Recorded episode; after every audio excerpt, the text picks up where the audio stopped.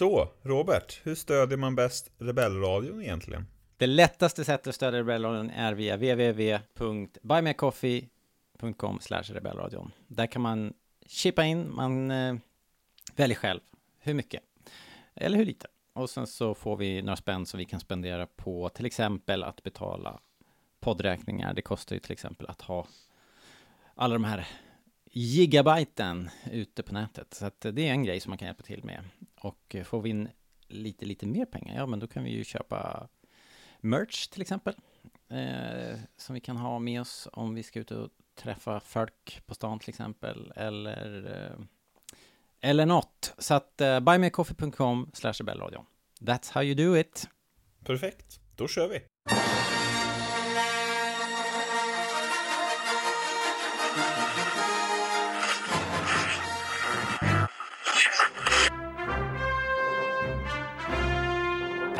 Rebellradion. Vi pratar allting Indiana Jones. Indiana Jones podcast när det är som bäst. Ni lyssnar på Rebellradion, svensk Star Wars podcast i samarbete med starwars.se och vi är här idag för att paradoxalt nog inte prata om Star Wars utan Indiana Jones. Välkommen Linus! Stort tack. Stort tack. Indiana Jones-radion. Ja, vi strök nazistradion va? Gjorde vi inte det? Eh, just det, det lät, det föll inte så väl ut i, eh, i, i, i eh, de senaste mätningarna. Men vi fick många nya lyssnare, så det beror på hur man mäter. Precis, precis. Ehm, exakt. Eh, vi lämnar det helt enkelt. Vi har inte att göra med nazister i den här filmen. Så Nej. att, eh, vi har andra fascister att tampas med faktiskt. Det är De ju är också den... ja, den fjärde filmen. Som heter Indiana Jones and the Kingdom of the Crystal Skull. Kristalldödskallens rike. Den är nästan Från- bättre på svenska än på engelska. Jag tycker den sitter rätt fint faktiskt. Ja. Eh, Steven Spielberg eh, snickrade ihop den här 2008, så det är 15-årsjubileum nu när vi pratar. Jag tycker det känns som att den här kom alldeles nyss, men det är ju det är liksom mitt problem på något sätt. men den känns fortfarande som att den är ny, eller? Eh, nej, det tycker Den är jag inte. definitivt lite bortglömd, är den ju. Jo, så är det ju. Men jag, jag som var 12 år när jag såg den. Eh, det är ganska stor skillnad mot nu när jag är 27 liksom. Men Jo. det är inte så stor skillnad på att vara 51 och 36 kanske. Om jag ska försöka förklara den här. Jag förstår. Jag vet Nej, inte. det är ju det. Jag tycker att det Nej, känns som väldigt länge sedan. Ja, jag förstår det. Jo, men det, det blir lite annat. Eh, Andra ju perspektiv. Du är ju en annan person, medan jag Så kanske är, är typ samma gamla. Ja, men det har ju, har ju sina randiga rutiga orsaker. Men grejen är att jag kommer ihåg när, när den gjorde så att det var, det var ju så mycket snack om att det var, eh, att Harrison Ford var gammal och det var så här pensionärsfilm och liksom, Little did they know. Ja, ja, verkligen. Och jag tycker när man ser nu så är ju Harrison Ford ganska vital i den här filmen. Men- Trots allt, fast han är liksom sliten. Jag tänkte Passar ju rollen. Hela, hela gubben är ju dammig, har alltid varit på något sätt. Till och med när han var 30. Men jag tänkte faktiskt på det nu när jag såg den, att det, känns... ehm, jag har svårt att få ihop att det bara är sju år mellan den här och The Force Awakens. De känns som att de kom ut i helt olika eror på något sätt. Mm. Men det har nog också med dig att göra misstänker jag. Ja, det kanske har det. Men eh, Eh. sen så slog det mig också att han... Eh, han ser liksom fysiskt väldigt mycket äldre ut i Force Awakens. Alltså han har väldigt mycket gråare hår. Han åldrades Ja. nog en del de här åren. Men han är ändå jävligt fräsch där också. Alltså i kroppen och... Eller Här, förstår ja. du vad jag menar? Nej men jag tänkte i Force Awakens. Jo, men alltså han är ju en super movie star. Han, han, har ju, han har ju inget annat att göra än att hålla sig i form. Du har ett jobb, det är att gå till gymmet. Ja. En gubbjävel. Jaha. Men eh, det, det var ju bara en kritik. Den fick ju lite annan kritik också. Men jag vet inte om vi ska, vi ska grotta ner oss i det. Utan jag tycker vi, jag tycker vi tittar på den. Men vet du jag tycker eh, faktiskt med- att vi gör? Som jag tycker är väldigt intressant att göra. Jag vet inte om jag har gjort det någon gång tidigare i just den här podden, men... Okej, ehm, så intressant var det. Du har aldrig gjort det förut. Nej, men det blev intressant just i... När du sa som du sa. Mhm. Eh, För att jag har då en tes som är att vi är skadade av den här YouTube eran. Ja, Youtube-kulturen. Geek-kulturen kanske. Den, den som vi också är en del av då, såklart. Men, just det. ehm, för där hör man massa arga män på Youtube till exempel. Som tycker att allt är Mm. skit och det här är jättekass och den fick, eh, den, den ses ju rent allmänt i efterhand som en stor flopp, eller hur? Ja, det gör den eh, och eh, folk är fortfarande så här envis. Den har ju blivit eh, den här filmseriens slagpåse. Det säger inte heller så mycket visserligen. mm, nej, Men, men i alla fall, då brukar jag göra så att för att liksom få lite koll på vad så här riktig media tycker, och svensk media då. Då brukar jag gå in på kritiker.se. kan jag varmt rekommendera. De, det är liksom Kul. någon sorts light-version av, eh, av Rotten Tomatoes i Sverige. De samlar då alla recensioner från, det väl framförallt då tidningar, eh, som, Ja, som den här fick. Svenska Dagbladet gav den 5 av 6. Boom. De har ju sin Ja. jävla tärning liksom. Eh, och sen så Expressen gav den 4 till exempel av 5. TV4 Nyhetsmorgon också en 4 av 5. Kanske var Ronny Svensson i farten. 4 solar Mm. kanske, jag vet inte. Eh, och sen så är det, det är ganska mycket 3 av 5 också.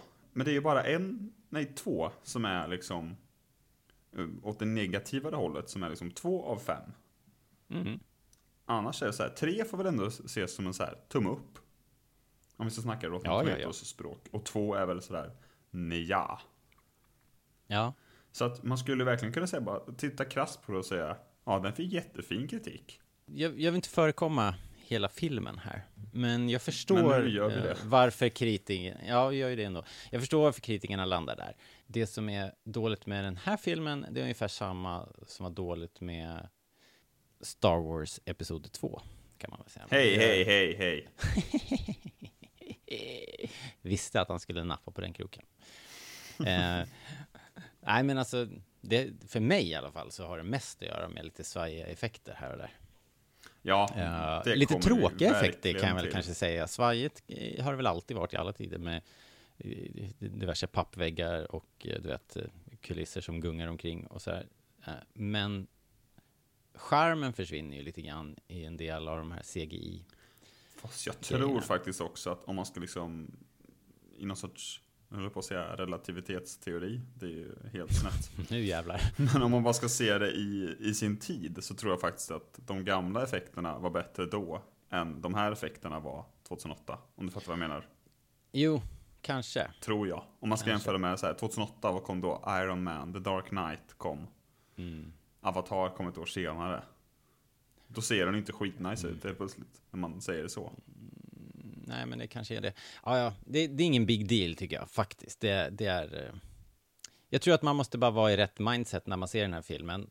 Det är, som vi har sagt tusen gånger förut, problemet med de här filmserierna, eh, Indiana Jones och James Bond och Star Wars och såna här filmer som har pågått i, i, i generationer är att ens, ens liksom samlade bild av de här filmserierna är liksom ett, en, ett, ett popperi av scener snarare än hela filmer.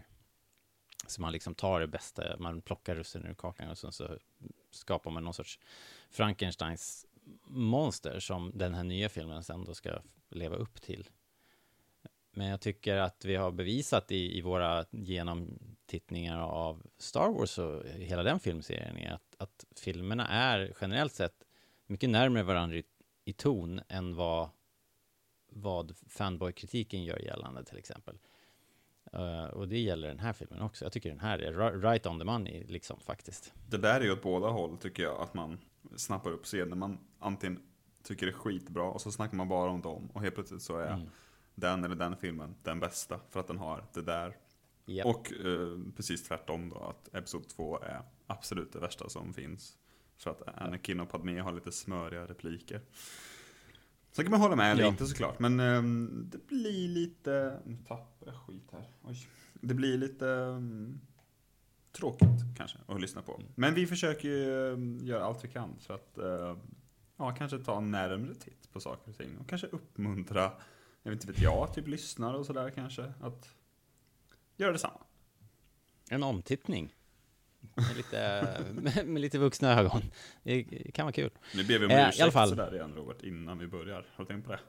Legend says that a crystal skull was stolen from a mythical lost city in the Amazon. Whoever returns the skull to the city temple will be given control over its power. You will help us find it. Put your hands down, will you? You're embarrassing us. Grab on. Go get something else. Grab the snake! Damn, I thought that was closer. Get on!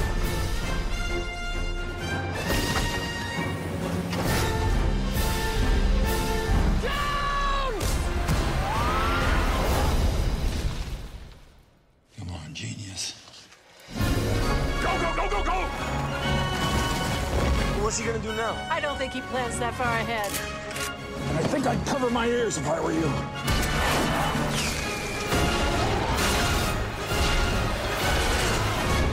You're a, a teacher? Part time. 2008 brukar man väl lite säga av både entusiaster och, och eh, cyniker att det var liksom eh, det första året på den nya blockbuster-eran då. mm, I och med Iron Man och The Incredible Hulk som då sjösatte det här MCU-pisset höll jag på att säga. MCU-grejen eh, menar jag. Eh, och eh, framförallt då kanske vad gäller superhjältegenren The Dark Knight. Som Ja, fortfarande är någon sorts Citizen Kane i det sammanhanget, tror jag. Ja, den är ju fortfarande bra och, och jag menar de som gillar ja, den eh, versionen av eh, Batman är ju såklart. Ja, absolut. Då var det en mi- milstolpe. såklart. Verkligen. Och, och den var också då mycket riktigt the highest grossing film. Eh, eh, 2008, fullt då av Indiana Jones and the King of the Crystal Skull. Och sen är det faktiskt en otroligt spretig och ja, lite överraskande resterande topp 10. Alltså, Kung Fu Panda är väl en sak. Men Hancock med Will Smith är på fjärde Ja, plats. det, det är otippat. Det jag är fortfarande inte inte sett den. inte heller. Men det känns ändå, oavsett hur bra den är, så känns det inte som att det är en sån film som man som Fast alla Will Smith går var ju liksom, Han kanske var, måste ju ändå ha varit i sin prime där, så det kanske inte är så. var inte han i sin prime typ 1997? Eh, jag vet inte, han gjorde väldigt mycket film där. Men jag tänker så här med Independence Day, Bad Boys, Men in Black. Det känns som hans prime. Men i och för sig, Will Smith, Ah, okej då. han kanske varit i sin prime tills han slog ner den där jäveln på Oscarsgalan i och för sig. Ehm, femte plats, lite uh, svensk koppling, Mamma Mia. Ja, just det. 600 miljoner spelar han in. Ja. Det är mer än Allting Solo, A Star Wars Story, på Djurgården i Stockholm sen. tio år innan. Ja, exakt. Madagaskar 2, Quantum of Solace, Iron Man, Wall-E och typ Narnia 2 borde väl det vara på tionde plats. Så att Quantum drog in mer stålar än Iron Man alltså. Japp, är fascinerande. men bara 4 miljoner. Det var inte så jävla mycket. Quantum of Solace red väl ganska mycket på um, Casino Royale-hypen tror jag. Det är väl inte en jätte, jättebra film, väl? Ehm, Nej, det Jag var inte. någon skrivarstrejk där som Exakt. till det lite. det kanske... Eh, ehm, kan man skylla, kanske ja. skylla på eventuellt. Tyvärr tror jag inte Indiana Jones kan skylla på det riktigt. Men, eh, Nej. Nej.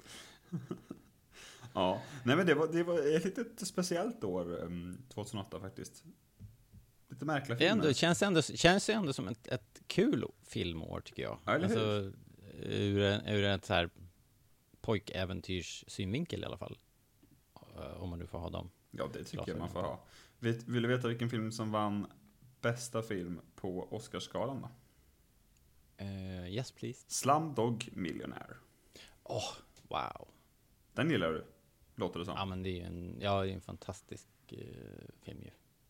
Ja, visst är det. Jag tycker också den är jättebra. Eh, var länge sedan jag såg den nu dock. Kanske, den är jobbig också, så jag vet inte om man orkar se om den. Jag såg den för något år sedan bara, igen. Och jag tycker att, ja visst den är jobbig, men jag tycker också att den liksom går in lite i den här kategorin av filmer som är jobbig under tiden. Typ så här, Nyckeln till frihet kan man också säga det, men den är ändå upplyftande mot slutet. Mm. Eller är jag snett på det, Ja. tycker du? Nej, det stämmer säkert. Eh, Sitter men man bara det är igenom hela så skulle jag säga att man är hyfsat gott humör när den är slut. Ja, Kanske. kanske. Ja, ja, skitsamma. Kom- Kommer inte riktigt ihåg hur Slamdog slutade. Du kanske inte såg klart den. Jag kanske, kanske grät för mycket, såg Ja. inte klart. Han hoppar ner i det där mm, ut i dasset och sen du bara nej, nu får det fan vara. Det är för mycket. ja. Ah, ja, eh, bra, då har vi filmtablån klar för oss och eh, den här filmen då, eh, den börjar med eh, ökenbilder, amerikanska, eh, amerikanska öken, det är hot rods, eh, full fräs över steppen där med, det är en George Lucas eh, kink nästan, de här bilarna eh, med Sista natten med gänget och American Graffiti och allt det där. det är också hans år på något sätt. 57 utspelar sig 1957. i Ja. Nevada. Den gamla Paramount-loggan fick vi se. Tänkte du på det? Ah, nej. Det men, tänkte jag eh, på. say so. Och sen så vet jag inte, det slog mig nu. eh, Jag kan inte minnas eh, att vi har pratat om det här från tidigare tre avsnitten. Det har vi kanske. Men det här Indiana Jones-typsnittet. Inte det som Mm. kanske, inte loggan, alltså inte affischen. nej, jag förstår vad du menar. Ja. Det här svartvita, är inte det skitsnyggt eller? Har vi snackat om det? Jo, mm, det har vi nog inte pratat om. Men det, är- ja, det är väldigt snyggt. Det är ju asnice. Eh, hade man varit lite mer påläst och förberedd hade vi kunnat ta reda på exakt vad det heter. Men, men ja, jag håller med. Jag tänkte precis på det nu när jag drog igång den. Att fan, fan vad snygga de här filmerna är rent Verkligen. bara titelmässigt. Liksom.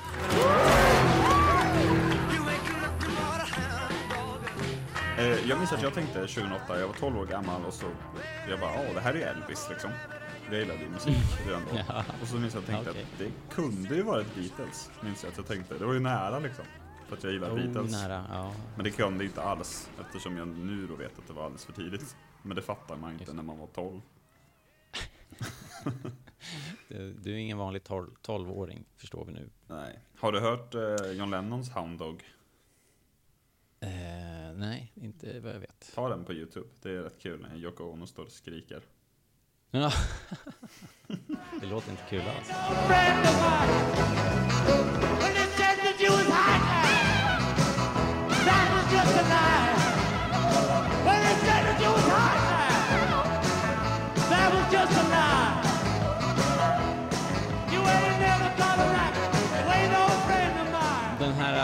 American Graffiti-bilen då racear du fram där. Eh, de stackars jordekorrarna får ducka liksom och eh, de, de jagar ikapp en konvoj, militärfordon som är på väg.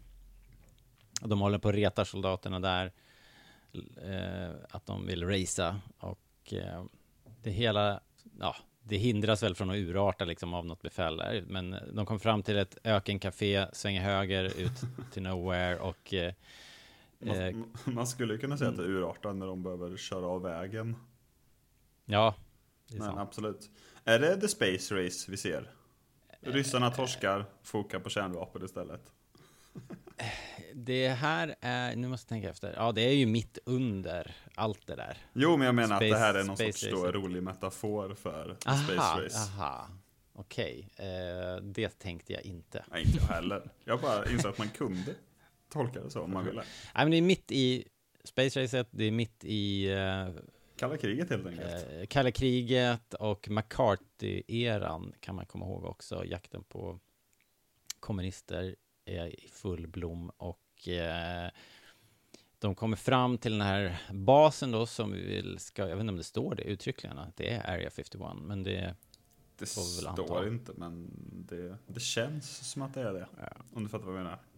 Ja men eh, exakt, det måste det ju vara liksom. Och sen ska de, de ska åka in där, det är stängt för vapentest, tyvärr, ni kommer inte in här, men eh, då blir ju blir vi ju varse vad det här är för ena. De skjuter ner de här vakterna i kallblodigt då, då. och eh, Det är kul att han sitter och knyter skorna tycker jag, när han ska ducka.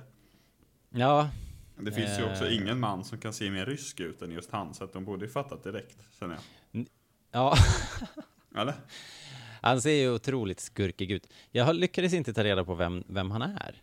Har du kollat? Eh, fått- det har jag inte gjort, han- men det borde väl inte vara jättesvårt tänker jag, eller? Utan att Jag- mena jag det som någon sorts är- hån, men...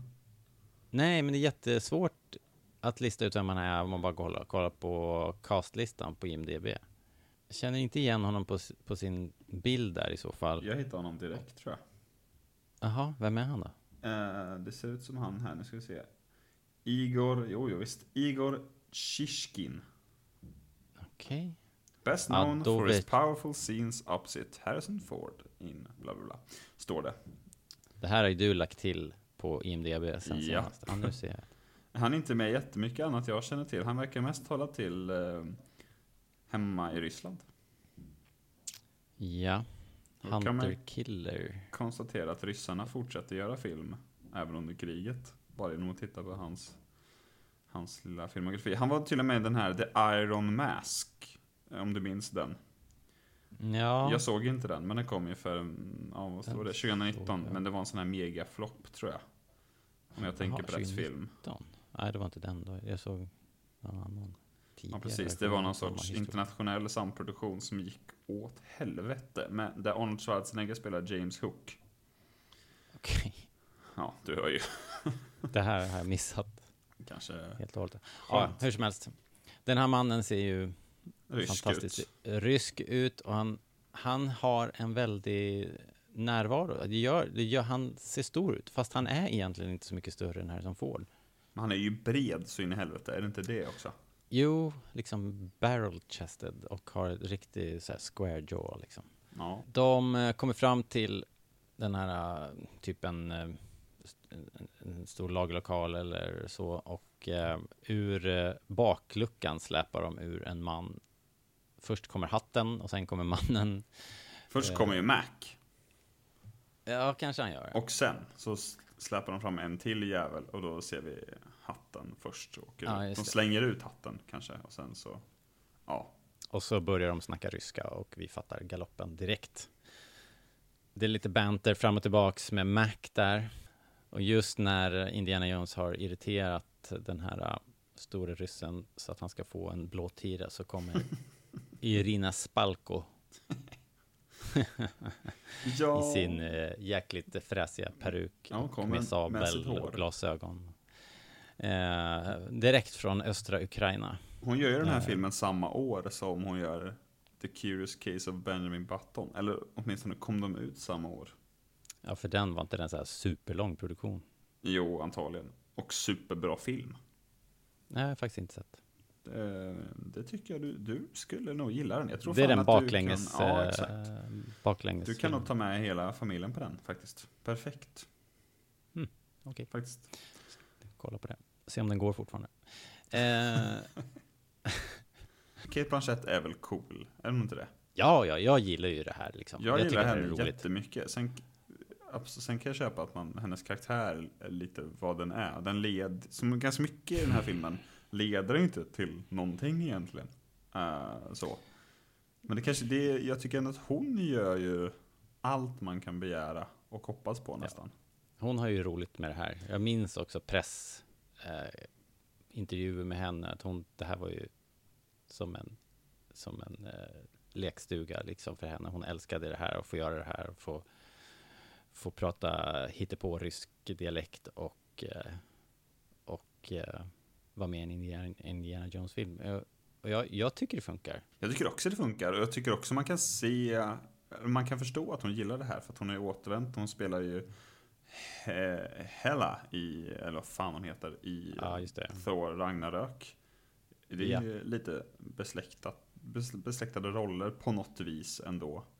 Ja, Ehm, så att, nej, och jag tycker hon funkar bra. Hon har ju bara en bra skurklook på något sätt. japp. Sen är det ju lite fånigt när hon ska Star Warsa honom. Det tycker ju Indiana Jones och jag. Faktiskt. Eh, du menar senare där i... Nej, nu precis. Så, hon nu? ja, Ja, du menar att de ska... Eh, när de står... Eh, nej, vad menar du egentligen? ja, Star hon, Wars? ja. Hon tror sig kunna läsa hans tankar på något märkligt vis. Ja, Kommer det redan här? Alltså? ja det kommer redan här. Utan dödskallen. Det är också det som gör att det är så jävla märkligt. Ja, men hon är ju, hon, det är ju hennes grej ju. Att hon, hon håller väl på och forskar på paranormalt eh, och, vad heter det? just tankeöverföring och sådär. Det heter ju något träsigt, jag kommer inte ihåg. Alltså, jag läste bara lite snabbt på Wikipedia och då var det, stod det jätteslarvigt typ att eh, manusförfattaren hade råkat höra eller snubbla över faktumet att Stalin var typ intresserad av psychic warfare. Och bara, åh, nice! Jo, Då har jag en så, ursäkt att så var det ju. det. så var det ju. Det fanns ju, finns ju, mm, och amerikanerna också för övrigt. Vilket var ju- otroligt självförtroende man måste ha haft på den tiden. Ja. Bara säga, ja, Ja. psychic warfare, det är klart vi, det måste vi ju Jag kan, testa. jag, kan, jag kan tipsa om en podcast här. Rebellradion. Som, het, som heter, ja, först Rebellradion, men sen så kan ni lyssna på eh, eh, The, World, The World's Greatest Con och eh, Project Alpha som handlar om två ungdomar som eh, liksom frivilliganmäler sig till eh, sådana här experiment i USA. Och är det The Men Who Stare at Goats, är det hela den skiten? Ja, ja det är eh, snarlikt. Men förekommer den incidenten som Okej. också är ju verklighetsbaserad. Ja, faktiskt Så märkligt nog så, så, så, så liksom så sköts ju hela den där forskningen i sank och skämdes ut offentligt i USA och sen, utby, ut, sen fortsätter forskningen och blir Men Who Stare at Goats. Så jättekonstigt. Men eh, ja, de trodde verkligen på det här i alla fall och eh, Spalko också då. Och de vill ju ha hjälp att hitta någonting i det här militärlagret. Eh, det är därför de har släpat dit Indy. Eh, Och det är ju gammal, eh, liksom gammal klassisk Indiana Jones-mark det här, för det är, ju, det är ju det här lagret man ser i slutet på Jakten på den försvunna skatten. Exakt. Det är ju här, och det får vi ju liksom svart på vitt sen, eller kvitto på att liksom, här är ju arken, ligger ju här i en låda. Dörren Men öppnas men inte den- och vi får arkens ledmotiv. Bara en sån sak. Bara, bara det. Alltså det är rätt nice det här. Alltså för att egentligen tycker jag att det har varit ganska rough hittills. Först har vi, det som vi sa, vi har uh, Kate Blanchett ska Star Warsa Indiana Jones. Innan Just det. har vi den här första interaktionen mellan eh, Mac och Indy om så här hur coola de är och att fan vi har, vi har klarat värre skit liksom. Och d- jag vet inte, den tycker jag är lite fånig på något sätt. Eh, men så fort Indy liksom snillrikt börjar jobba och klura, liksom. Då är man ju hemma. ja, Ja, det? jag gillar det också. Jo, jag gillar det också. Det är också väldigt typiskt Spielberg på något sätt att ta en liten vetenskaplig nugget som att okej, eh, det finns järnpulver i, eh, i patronerna. I Om det krutet. nu ens finns det. Det är så här, vem bryr sig? Ja, det är oluddigt, eller lite luddigt, men ja, kanske det är så i det alla fall. funkar ju oavsett. Ja, och så liksom, och, och så bara förstärker man effekten så här Mm. tusen gånger för att göra den här lite roliga scenen. Det är, det är ju kul liksom, men man får ju ta, som med allting, i, särskilt in i Indiana Jones-universumet, så är ju allting eh, överdrivet tusen gånger. Och det är också därför vi kollar. Så, att, så här, eh, det är väl Ja. det som är kul också. Men eh, det, det här känns väldigt mycket som gamla Spielberg tycker jag. Det känns som Close Encounters eller E.T. eller någonting. Jag vet inte, jag kanske inte kan sätta fingret på det så bra men Jo. Det, det här nästan lekfullt barnsliga, alltså det är så det är så jävla nice att det bara så här, ja det är magnet liksom. På det här... Det behöver inte vara krångligare än så. Vid det är här en laget, cool- nej En exakt. jättestark magnet. Och så är det på rätt nivå för mig. Det, han, Spielberg balanserar alltid på eh, så här, eh, over the top-kanten liksom. Ja, Alltid. Men det här är ju, det här är ju bara kul tycker jag. Ja, Han lyckas hålla sig på rätt sida, kan jag väl avslöja, gan- ganska länge i den här filmen. Men det blir ju också det är ju kul, alltså mycket i film, det är ju ett visuellt medium eh, till 90% skulle jag vilja påstå. Sen kan alla ljuddårar som Daniel eh, säga hur mycket de vill. Men det får, kan väl ändå enas om. 80% i alla fall. Eh, och jag tror att man har jävligt mycket vunnet om någonting bara ser nice ut. Mm. Oh ja. Att bara så här, de följer efter det här. Det blir som ett litet moln som de följer efter när det här krutet då svävar iväg. Och, Ja. och att det ser coolt ut och att det liksom är spännande och byggs upp bra. Det övertrumfar ju allt annat som skulle kunna vara häftig och spännande mytologi eller eh, whatever liksom. Men det fortsätter ju också med, liksom, de tar det ju vidare, Så det blir blir nya effekter. För, och- Ja, exakt, så blir det de här stålkulorna från hagelgevären va, och... eh, Ja, exakt. Så att det blir större partiklar liksom som den magneten kan flytta på och det är lite coolt. Och sen så till slut så ser man ju hur lamporna i taket liksom följer med lådan när de flyttar den. Och deras eh, dog tags eh, och, och vapen och grejer väl sugs ju fast på lådan. Ja, jag tänkte säga, och det här är väl nästa eh, led i då, att det är så jävla mäktigt så att man tycker att det, är- det är okej. För att lådan är ju ganska in, inkonsekvent magnetisk egentligen. Lamporna flyttar bara på sig när de flyttar på magneten.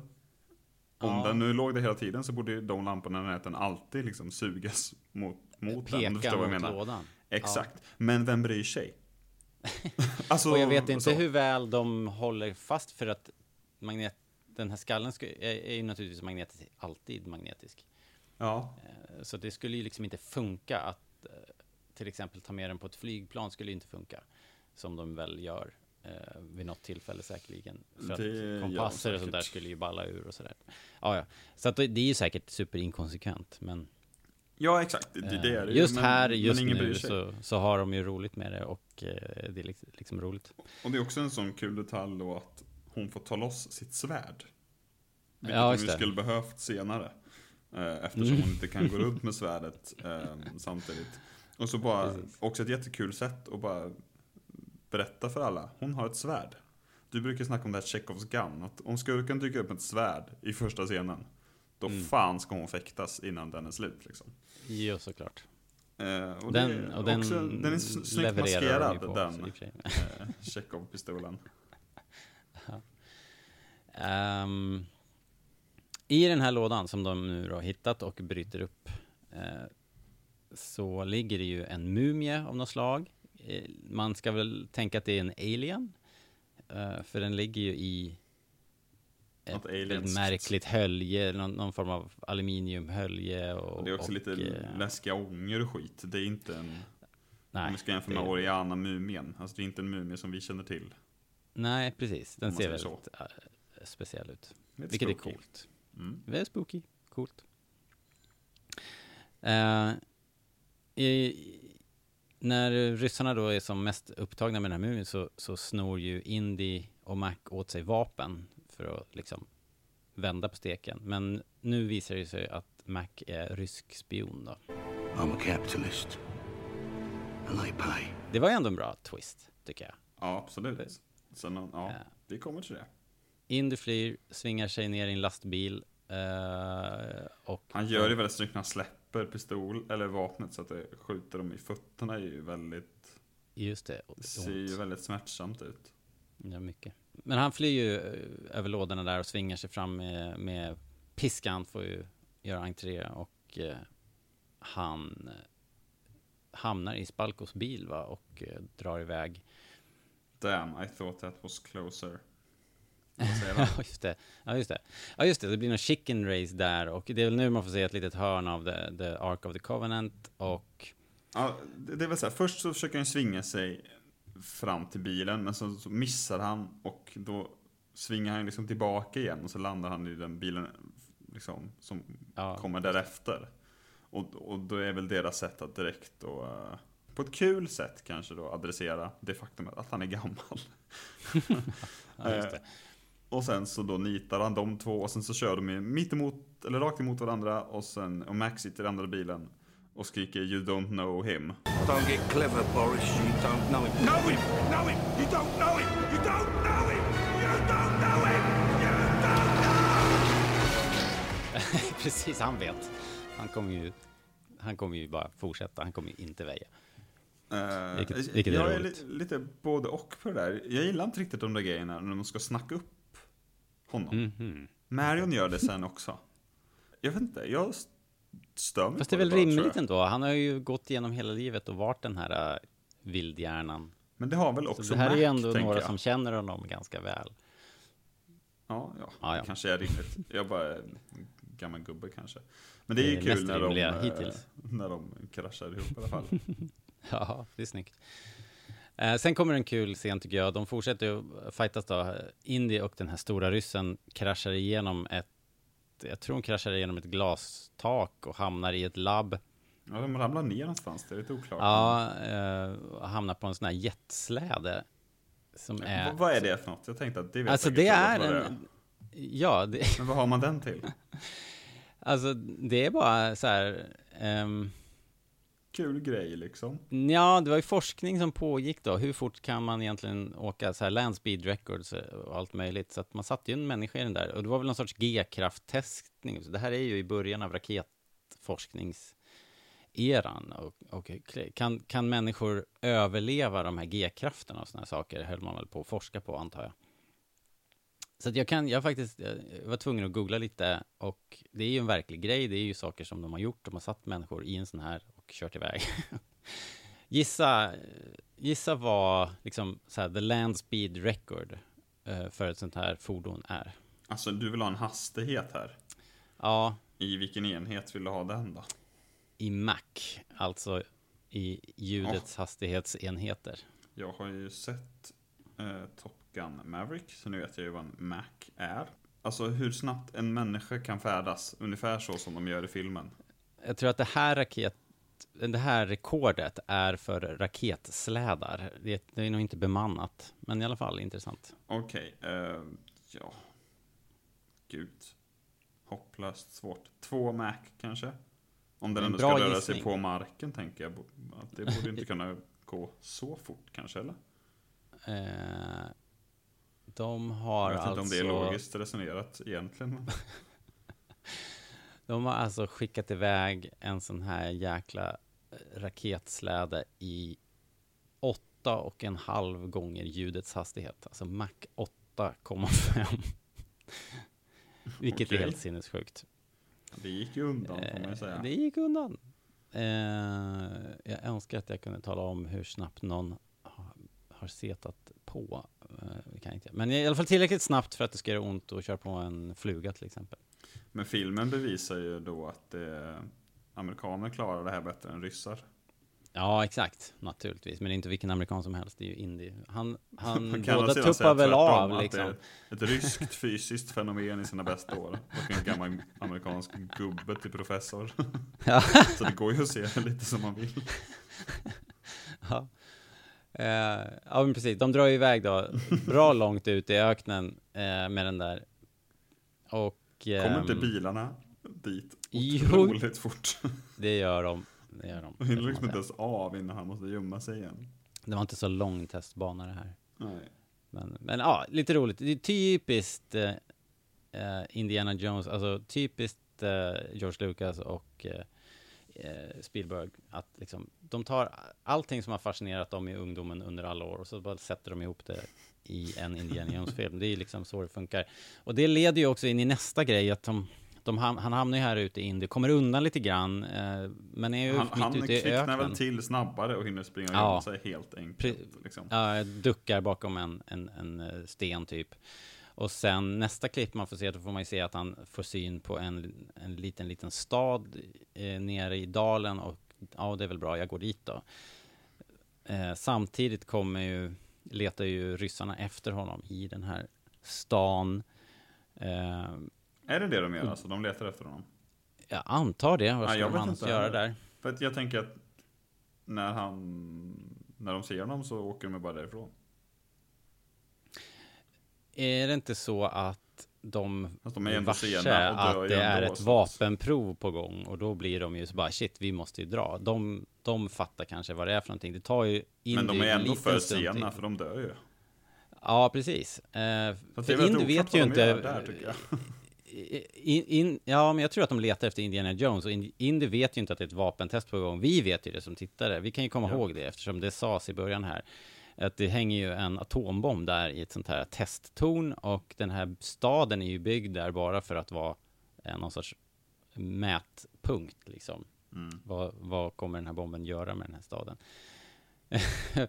det, och det är ju lite roligt tycker jag när han inser att okej, eh, det här är ju jätte, jättedåligt. Jag måste gömma mig. Och eh, i sista sekunden, i sista sekunden så kommer han på att jag gömmer mig i kylskåpet här. Är det inte också, ganska kul för att vi fattar väl ganska långt före honom. Jo, att detta precis. är en sån stad. Eller gör Jo. vi inte det? Det tror jag. Jo, men det tror jag de flesta är liksom åtminstone börjar misstänka att eh, Och att det det är är. ju alltid kul. Eh, Det kanske är lite off topic här nu, men för alla som är lagda åt, åt det hållet så är, blev ju det här en, en, liksom, en bana på något Call of Duty senare, den här staden. Jaha, okej. Som, ja, jag har inte spelat det, förutom någon enstaka gång kanske, men mina bröder spelade eh, just den här banan mycket minns jag mot varandra. Nuketown eller något sånt där tror jag att den heter. Okej, ja, ja, bara en, en liten konst, eh, konstlad, eh, en, en kuliss är det ju liksom, Ja, exakt. eh, i öknen. Ja, men, eh, och här är väl en scen som har fått lite skit liksom, när han, han gömmer Jaså? sig i den här, i det här kylskåpet. Jag tror att det är inget konstigt med det ju. att han flyger en kilometer av tryckvågen, men överlever. Tanken är väl att, jag vet inte om man säger det, ett gamla kylskåp är Nej, han Ja, säger de- ingenting tror jag inte, men De var blyinfattade på den här tiden i alla fall. Så att de, det, tanken är väl att det ska skydda mot strålning. finns det, någon, Men- det finns alltså någon sorts logik i det ja, här? ja, det är den lilla, lilla, lilla, lilla logiken. Men jag menar, det skyddar med ju inte honom mot, mot kraschen som blir när han Nej, det gör det inte. liksom flyger en kilometer och sen landar. liksom. Men då, Eh. eh, the million dollar question då. Stör du dig på det här? Eh, jag stör mig bara på den dåliga specialeffekten. Men inte Eh, själva faktumet att han Inte faktumet. Jag menar, Indiana Jones har överlevt allt möjligt konstigt under åren. Det här är Ja, vi brukar alltid säga att kan man hoppa fallskärm med en gummibåt så kan man väl liksom. Ex, Men exakt. det, jag vet inte om det stämmer. Det är ungefär samma. Alltså, jag skulle vilja säga, det är ungefär samma, eh, Samma skit. otrolighetsfaktor att han hoppar ut ur ett flygplan med bara den där gummibåten som, som liksom har en lövtunn botten. Att det skulle på något sätt få honom att överleva. eh, och det här, det är liksom ingen skillnad för mig. Det jag kan ge Ehm. gummibåten, alltså om vi ska argumentera lite för emot här, så tycker jag att det kanske är lite påhittigare på något sätt. Det är lite roligare. Eh, Fattar du vad jag ja, ja, jo. Men eh, jag Det- inte, jag, jag tycker väl att det är helt okej. Jag, varken bu eller bä, känner jag nog. Ja. Jag, framförallt är jag, tror jag inte en sån som hakar upp mig på den typen av orimligheter. Jag hakar upp mig på annat, men ja. whatever liksom. Men här är ju såklart over the top. Eh, max over the top är det ju. Jag förstår om folk tycker det här är, är fjantigt i överkant liksom. Det finns ju andra grejer jag stämmer på mer i filmen. Om vi ska... Ja, Alltså, ja, vi, vi, typ. vi kommer dit, antar Ja, jag. Absolut. Ja, ryssarna strök ju med i explosionen. Indy överlever. Som sagt, inget konstigt med det. Eh, han fångas upp av FBI och eh, hamnar i lite trubbel då för att ha hjälpt KGB att komma in på en hemlig militär installation. Eh, räddas lite av att han har en, en bra track record. Han är, de säger att han och Mac har gjort 20-30 uppdrag ihop. Eh, och han har någon kompis i General Ross som glider in här och räddar upp situationen, en gammal bekant. Det är kul när de tvättar kuken på honom. Innan där. Det, det är ju kul liksom. Det är också en sån här äh, radioaktivitetsgrej såklart. Man måste skrubbas eh, för att, ra- radioaktiva partiklar måste man Och det vet man ju bort. också att det är så här. Det är bara en, en bild Lucas och Spielberg haft i huvudet i alla år. Att de ska skrubba av Indiana Jones. Någon Ja. sorts. Och så bara, "Ja, nu- vi måste ha med den här scenen. Japp. Men skådespelaren här också, den eh, längre glasögonprydde av de här CIA, eller vad fan de är, FBI kanske det är. Mm, jag tror att, Att de man är alltid feds. lyckas hålla isär den där jävla skiten. Men han eh, heter Neil Flynn och spelar den här vaktmästaren i Scrubs. Om du har sett Scrubs någon gång? Jag har sett några avsnitt, men jag, kan inte... eh, Jag skulle aldrig plockat upp den referensen. Men, eh, du kanske plockar upp den här referensen istället då. Det här är mer din typ av referens tror jag. Han är även med i Jagad, eller The Fugitive som, som de säger där borta. Och är då den här snuten som försöker arrestera eh, Kimball på tåget i slutet. Okej. Jag tror det är i slutet i alla fall. Nu blir jag osäker, inte hur länge sedan jag såg den. Nu ska vi se, vad heter han i filmen? Han Mm. heter... Jaha, i filmen vet jag inte. Han heter Neil Flynn på riktigt. De gör ett litet kul avsnitt om det i Scrubs. Att, eh, lite meta, att det då är hans karaktär som har varit skådespelare förut. Det är lite kul. You wanna know what the janitor did today? No! Bambi, you idiot. I love The Fugitive. Who would you rather sleep with, Tommy Lee Jones or Harrison Ford? Harrison Ford, hands down. But you're probably talking to Carla. I'm having such a gay day. Day? Yeah, it's just this whole janitor thing is throwing me for a loop. Danny, we should watch the movie in Turk's room because he's gonna keep talking about the janitor even though we beg him not to. I won't, sweetie. Trust me. Let's go. I just want to know what kind of freak needs to spend all day pretending to be somebody else. Uh, listen, this is transit unit number 23. I got a possible sighting of Richard Kimball on northbound bound. Kimball! Janitor. Men han är en sån där som dyker upp och spelar små roller här och där liksom. Det var länge sedan jag såg honom nu, men Ett ansikte man känner igen. ja, exakt. Ja. All right. Eh, jag skulle vilja säga, apropå tv också, att om nu Mac och Indy har gjort 20-30 uppdrag ihop under kriget, eh, en tv-serie, tack. Eh, Jag har skrivit det. Det här är våran animerade Disney Plus-serie, alla Clone Wars. Yes. Sen eh, behöver kanske inte Mac få med sig så mycket, men jo, det kan han väl. ja, okej då. Eh, all right. Eh, han klarar sig ur den där eh, knipan då. FBI i McCarthy-eran här är ju helt eh, paranoida och man förstår ju ändå att det ser dåligt ut för Indy. Så kommer den här generalen in och så bara, nej, nej, nej, det är ju Indy, han är ju en krigshjälte liksom. Men Mac då, han var väl också det, precis samma liksom. Men han var ju uppenbarligen en rysk spion. Eh, och de säger ju också, det är helt otroligt, jag hade aldrig kunnat se det liksom. Det var så här jätte... Men, men på något sätt så rinner det här av Indy, men Mac, eh, eh, trots att Mac liksom uppenbarligen har sålt ut dem. Men det är också så märkligt för att detta, det är en helt irrelevant scen. Mm, ja, Vad, vad görs, hade man bara kunnat klippa direkt från att de tvättar kuken eh, till Jim Broadbent? ja, det hade man kunnat göra. För att den här scenen... Han hade, kunnat, han hade lika gärna kunnat bara lyfta med de här ungdomarna i den där hotroden. Ja, men för den här backstoryn har vi ju... Den får vi Lite ändå. klart att man får... Ja, Men har vi inte redan fått den när de står där och snackar om sina mäktiga Jo, och igen sen innan? i djungeln, tältlägret. Och sen kommer det igen. Och sen så slutar scenen med att säga bara, ja, vi håller koll på dig.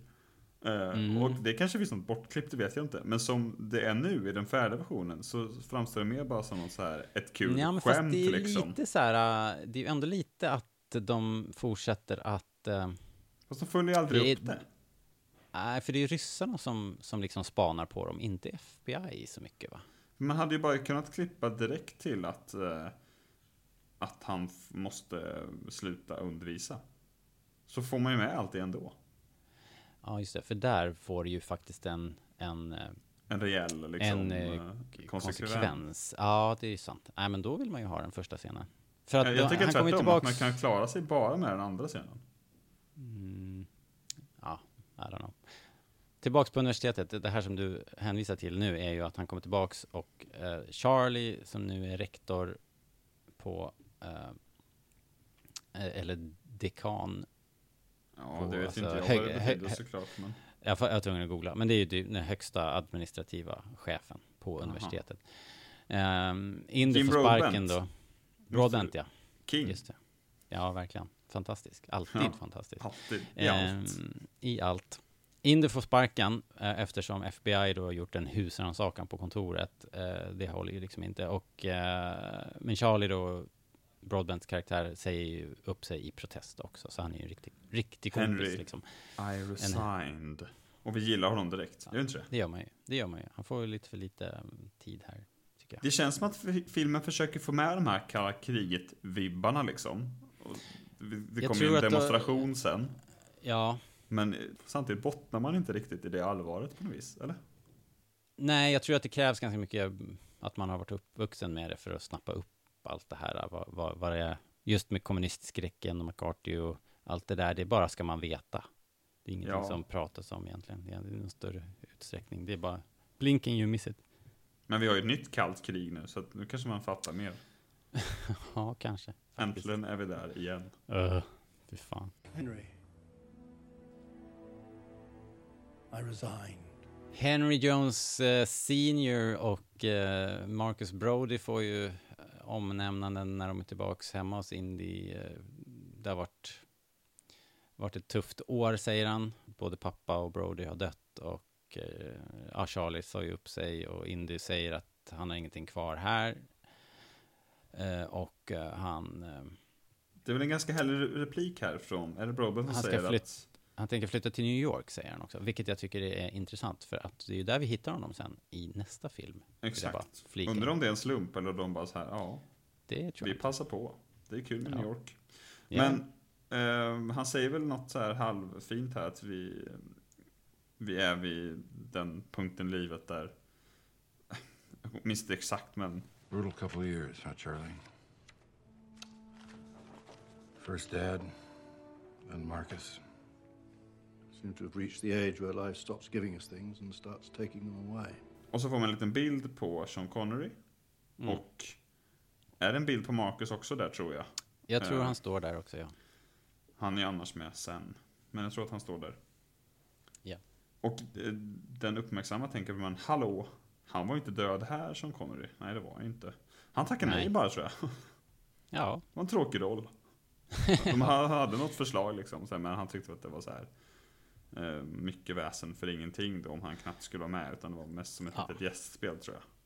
ja. Och, och det gör ingenting. Det, det här är ju bättre, tycker jag. Alltså, är det? Ja, alltså varför ska man göra om Nej, den jag grejen? inte, jag bara frågar. Man kan väl göra något annat? Här kan man ju använda det till en framåtrörelse. Det är en ny, ny fas i livet och han, han blir utkickad från det som be- har betytt mest för honom under alla de här åren och han flyttar. Eh, samtidigt som, som du sa då, vi, vi får, nu får vi ingenting längre vid den fasen i livet när saker och ting bara tas ifrån oss. Och sen så klipper man ju väl till Matt på motorcykeln på vid tågstationen. Så sett är det ju snyggt, men bara så här, låt säga att han hade tackat ja. Så här, ja, ja, ja, jag kan väl spela in en Mm. liten roll.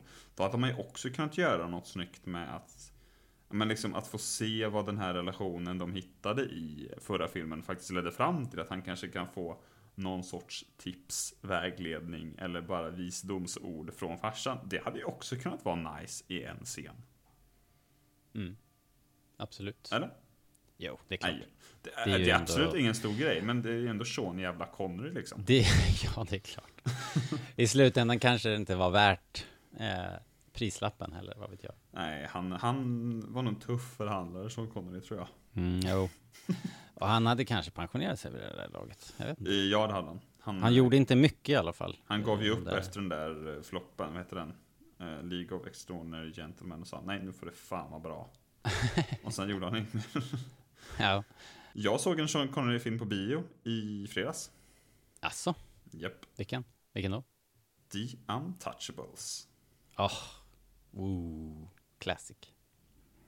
Verkligen. Eh, har, den, har den hållit då? Är den kul fortfarande? Den är, den är kuligare nu. Wow, okej. Nej men eh, jag tänkte på det, jag, jag har ju pratat om den här topp 30 favoritfilmslistan jag har hållit på med. Och just nu är jag på Eh. 31 filmer. Ta Okej. bort en till. Men, Typiskt. men Ja, den, är- eh, den försvarade sin plats. Okej. Senaste tittningen. Den, den ryker inte. Nej. Kul att se den på bio. Ja, jättemäktigt faktiskt.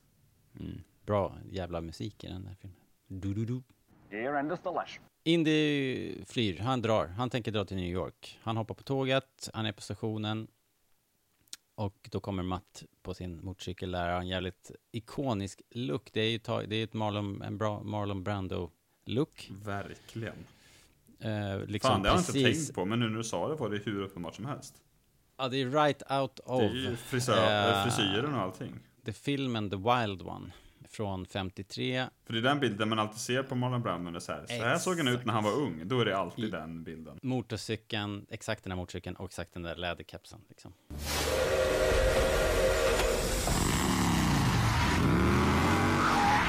Hey! Hey, old man! Professor, hello? Hey, you Dr. Jones? Run out of platform, kid. Are you a friend of Dr. Oxley's? Harold Oxley, the archaeologist? Yeah. What about him? You're gonna kill him. Harold Oxley, som ju är en MacGuffin i den här filmen. Han är Mats styvpappa, visar det sig. They're gonna Och kill him. Oxley, Oxley är i trubbel i Sydamerika. Han är där för att eh, leta efter någon mesoamerikansk kristallskalle och letar efter staden Akator, mytomspunnen försvunnen stad Eldorado. Känner man kanske mer till då. En stad av rent guld, bla bla bla. Och eh, då visade det sig att India också letat efter Akator och dog nästan på kuppen, kläcker han ur så här. Ytterligare en film som vi inte har fått. Liksom. Dif, dif, difteri? Ja. Eller något? Jag vet inte. Någon jävla Eh, pissig sjukdom i alla fall. I alla fall så blir ju Indy blir tillräckligt eh, liksom så här intresserad av, av det här för att hoppa av tåget. De går och sätter sig på ett café och börjar prata om det här och det är väl då all den här expositionen kommer. eh, att han har, de sitter där och babblar och att det, myten talar om en kraft som är kopplad till den här skallen. Matt vill ha hjälp att hitta mamman, Marion och Oxley. Marion har skickat ett brev som de har då med de första ledtrådarna. Det är kul. De sitter på, ja, It's gibberish, it's not even English letters. ja. Eh, ja, de börjar koda och, och ta fram, han, eh, sen kommer ju väldigt eh, böcker och grejer fram liksom. Det är typiskt indie research, det går väldigt fort. Och han är fortfarande kvar det här att så här, ja, det är intressant hantverk, men that's about it. Alltså han tror ju fortfarande inte på det här pisset. Nej, nej. Det har han ju faktiskt lyckats eh, lära sig då till den nya filmen att det finns vissa Ja. grejer. Ja, men han säger väl i den nya filmen också att det inte är så mycket, det är väl mer hur hårt man tror. Är det inte det han säger där? Jo, jo, men han är ändå någonstans medveten om att det kan röra sig om något konstigt här. Ja. Här är han det fortfarande skeptisk och Ja. eh, science all the way. Eh, KGB som vi pratade om då tidigare, eh, de dyker upp på kaféet här eh, och Indy får Matt att starta ett bråk då mellan så här, ty classic eh, också, eh, något som är, ligger djupt i den eh, så här amerikanska liksom eh, Kulturen. eh, kulturen, att det är Allas rätt att slå någon jävel på en bar på Ja, käften. liksom så här töntarna mot eh, eh, tuffingarna liksom. Och så är det alltid tvärtom. Ja, Att tuffingarna slut- är de töntigaste. Eh. Get That Greaser är ju kul. Och sen så märker man att de säger shit det här är 50-tal. Äntligen kan vi slänga på lite riktig jävla musik. Vi börjar med Elvis. Och sen så fick vi höra Everly Brothers med Wake Up Little Susie, eller vad fan den heter. När de bara satt och pratade. Men så fort de börjar slåss så är det ju Shake, Rather and Roll. Ja, nice. Get that greaser! Eh, Sasha Spielberg får en cameo här. Eh, en dotter till. Jaha, hon får inte det är hon som, det är hon som nitar eh, Matt, tror jag. Ja, det är bra. Sen blir det MC-jakten genom gatorna på Barnet College då. Eh, det tycker jag är jättekul, måste jag säga. Det är jätte, jättekul. Och Spielberg är också smart. För att direkt när de klipper till att de susar ner för gatan där. Så bara försvinner det jävla Shake, Rather Roll. Och så enter John Williams. fullt äventyrs-mode liksom. Och de sladdar runt och de åker igenom bibliotek och, och eh, det är roligt, det blir extra roligt för att Indiana är ju professor samtidigt. Han hjälper ju studenter på vägen liksom. Det är väldigt roligt. Och de här studenterna också är så här supernördiga bara, eh, okej, här kommer en motorcykel insladdande. Men jag passar på att fråga lite grann. här. Det är väldigt roligt. Det är, det är ett snyggt stunt där när han dras in i bilen från ena hållet och sen klättrar ur på Ja. genom andra fönstret. Yes, I love it. Eh, och sen så är det också kul att han då säger tvärt emot vad han säger i, eh, i förra filmen. Att eh, get out of the li- library, säger han ju. Ja, just det. Ja, just det. I Last Crusade säger han ju tvärtom att så här, ja, Ja. ni vet. Ni kommer ihåg, det är väldigt kul. Ja. Och sen är det ju, vi får inte glömma det här eh, kommunistskämtet när förföljarna då får de här liksom plakaten i nyllet och kraschar in i Marcus Brody-statyn. Ja, det där tycker jag är så jobbigt. Jag skrattar inte. Eh, Inde skrattar inte heller. Eh, jag, jag tycker det är smaklöst liksom. För jag gillar ju Brody så våldsamt mycket. Så jag Men tycker är inte det lite är, med det, kärlek? Han är ändå en staty liksom. Ja, men huvudet flyger av. Det känns väl. Ja, men know. å andra sidan så fick han ju ge fascister på käften en sista gång. Ja, men eh, hade, ja, då hade jag hellre sett att hela statyn bara välte och mosade dem liksom. Ja, Just att huvudet flyger av känns lite... Det är ju barnslig det? humor liksom. Respektlöst kanske du var Ja men, ja men lite. Lite, bis, vad heter det, inte bisarrt, det heter eh, lite Makabert. smakligare. Makabert var ordet jag läste. Ah, ja, never mind. Det slog mig nu också kanske, jag vet inte, det är ingen kri- kritik jag någonsin har hört, men det kanske är lite makabert och gränsen till respektlöst från då eh, amerikanerna, det vill säga de där at- atombombsdropparna som gör filmen. Att man liksom kan överleva en, en sån Ja. explosion med ett kylskåp. Är det ett Ja. argument som man kan torgföra? ja, precis. Det kan man verkligen tycka. Jag har inte Eh, hört det, men, men det är ju också, det nej, fast man hör ibland, eh, jag kommer ihåg när eh, Steven Spielberg släppte, eh, eh, eh, ehm, vad heter den då? Christian Bale-filmen Jaha, eh, Solens rike. Solens rike. Solens tempel. Att eh, liksom, visst, eh, det, det, det är en engagerande film, men som vanligt så, så blir andra världskriget bara en lekstuga för Steven Spielberg. Att det är någon sorts kuliss som En bakgrund blir, där han eh, kan göra lite vad fan han vill. En ba, ba, ja, precis. Ba, det är en bakgrund som, är, som han inte tar på allvar och det är bara en, en äventyrssetting för Steven Spielberg. Och, Och sen så bara, antar- okej, nu ska jag göra Schindler's Ja. list. Vet du vad? Jag tror att det är som att det, det är direkt en så här, svara, på, svara på kritiken grej. För, För att det- han eh, tar ju i från tårna sen liksom. Han gör ju både den här och, Och han gör Saving Private Ryan Saving fem år Private senare. Ryan. Och sen har han ju fortsatt med egentligen hela den Munich utspelar sig ju inte i, eh, i andra världskriget men är en direkt konsekvens av Ja, den det, konflikten precis. på något vis. eh, Kan man väl Precis. Så han säga. lämnade, kan man säga, den, den ja, han, han gjorde, gjorde väl upp med den kritiken på något sätt. 1941 var inte hans bästa motargument då, kanske. Men, men jag kan... Nej, det var jag kan- närmast en studentfilm. Men jag kan ju tänka mig att han, utan att veta, så kan jag tänka mig att han tar, tar illa upp av en sån kritik i och med att han själv då är jude och antagligen tar Visst. detta på största möjliga allvar. Hans farsa slogs i kriget. Eh, Och Troligen. eh, Alltså- Kriget är ju ofta på ett sätt ändå närvarande i, i filmen. Typ som i den här filmen, även om den inte handlar om andra världskriget egentligen överhuvudtaget. Eller ja, kalla kriget och andra världskriget hör väl ihop. Men jag menar, det finns ändå med det här att eh, Mats styvfarsa dog i kriget. Eh, de har det. liksom var, alltså den, det är ofta närvarande i hans filmer, tycker jag. På både gott och ont kanske. Ja, Han gillar ju krigsfilmerna antagligen liksom.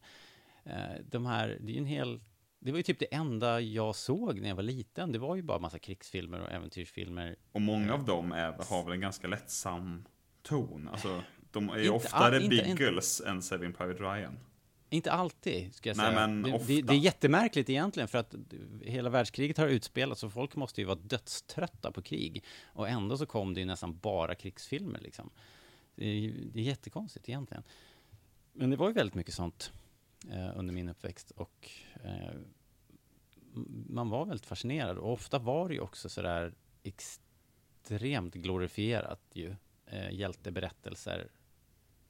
Det kunde ju lika gärna varit en Indiana, Indiana Jones-film att titta på. Och det kan man verkligen säga att många av, eh, om man ska vara riktigt jävla hård, jag tycker att det är bra filmer. Men man kan väl också, om vill man vara riktigt taskig så kan man ju säga på att han är inne och snuddar på någon sorts propaganda med Saving Private Ryan också. Så att det finns ju Ja, även ja. i hans filmer. Liksom. Ja, ja, ja. Den, Saving Private Ryan är ju egentligen en krigsfilm av gammalt snitt. Fick de också kritik för. Eh, bara det, bara det att våldet i den är ju mer realistiskt och därför blir den ju Det väl det läskigare gör och tyngre liksom. Det är väl det som gör den relevant också. Eller Ja. liksom, Ja, den, för att de, de liksom blundar inte för hur det faktiskt såg ut när folk blev så här nerköttade på stränderna och liksom de visar Tvärtom. allting liksom. ja. Eh, Så det är en, den gamla typen eh, av krigsfilm, men med uppdaterat våld. Ja, ja. I den här då så är det fortfarande den gamla typen krigsfilm, den gamla typens blev. våld. Äventyrs, äventyrsfilm. Eh, Och det är väl också precis så vi vill ha det. Vi vill inte ha en jätteallvarlig Indiana Jones-film. Nej, det vill vi inte, utan vi vill Ja, ha varför det MC genom biblioteket. Vi får ett Wilhelm Scream där också, ur en uh, Väldigt märkligt att det liksom Eh, kommer på ja, närbilden. Ja, jätteovanligt. Dels att det är det är inte en person som dör och det är en eh, en helt student som är mitt student. i bild. Liksom. Så det är ganska unikt faktiskt. Ja. Funkar. If you wanna be a good archaeologist you have to get out of the library. Så drar de iväg på motorcykeln. Det är, Som du faktiskt, sa. det är faktiskt kul. Det är Det är billigt kul. men kul. Just the way we like it. Want to be a good archaeologist? You gotta get out of the library! George Lucas blev ju otroligt förbannad på Steven Spielberg när de skulle göra den här filmen. Vet du varför? Eh, han fick väl inte som han ville, antar jag. Eh, mm, alltså, ja, det fick han väl säkert inte heller. De, de har väl lite skyld på varandra att det blev som det blev med den här Ja. filmen. Ja, det har de ju gjort. Och lite, lite på skoj och lite på allvar tror jag. Men det kan man ju läsa, läsa in sig på själv. Men det jag syftar på var att eh, Steven Spielberg envisades med att klippa det här jävla aset på fysisk film. Jaha, ja. Mm. Och liksom satt vid ett gammalt klippbord. Liksom, av någon jävla anledning. Och, och Lucas var liksom så här, "Ah, jag har ju uppfunnit digital klippning nu. Kan du liksom inte bara... ja. Ja. Och det är ju kul. Eh, typiskt George. Jag tänkte säga, typiskt båda två. De är ju ett roligt par på något sätt. Ja, de är ju både bästisar och så finns det ju en mentorsrelation där som är... Men som också är lite utbytbar. Ja, exakt. Det går, lite, I- det går ibland- lite fram och tillbaka. Ja. Ibland är Spielberg läraren liksom.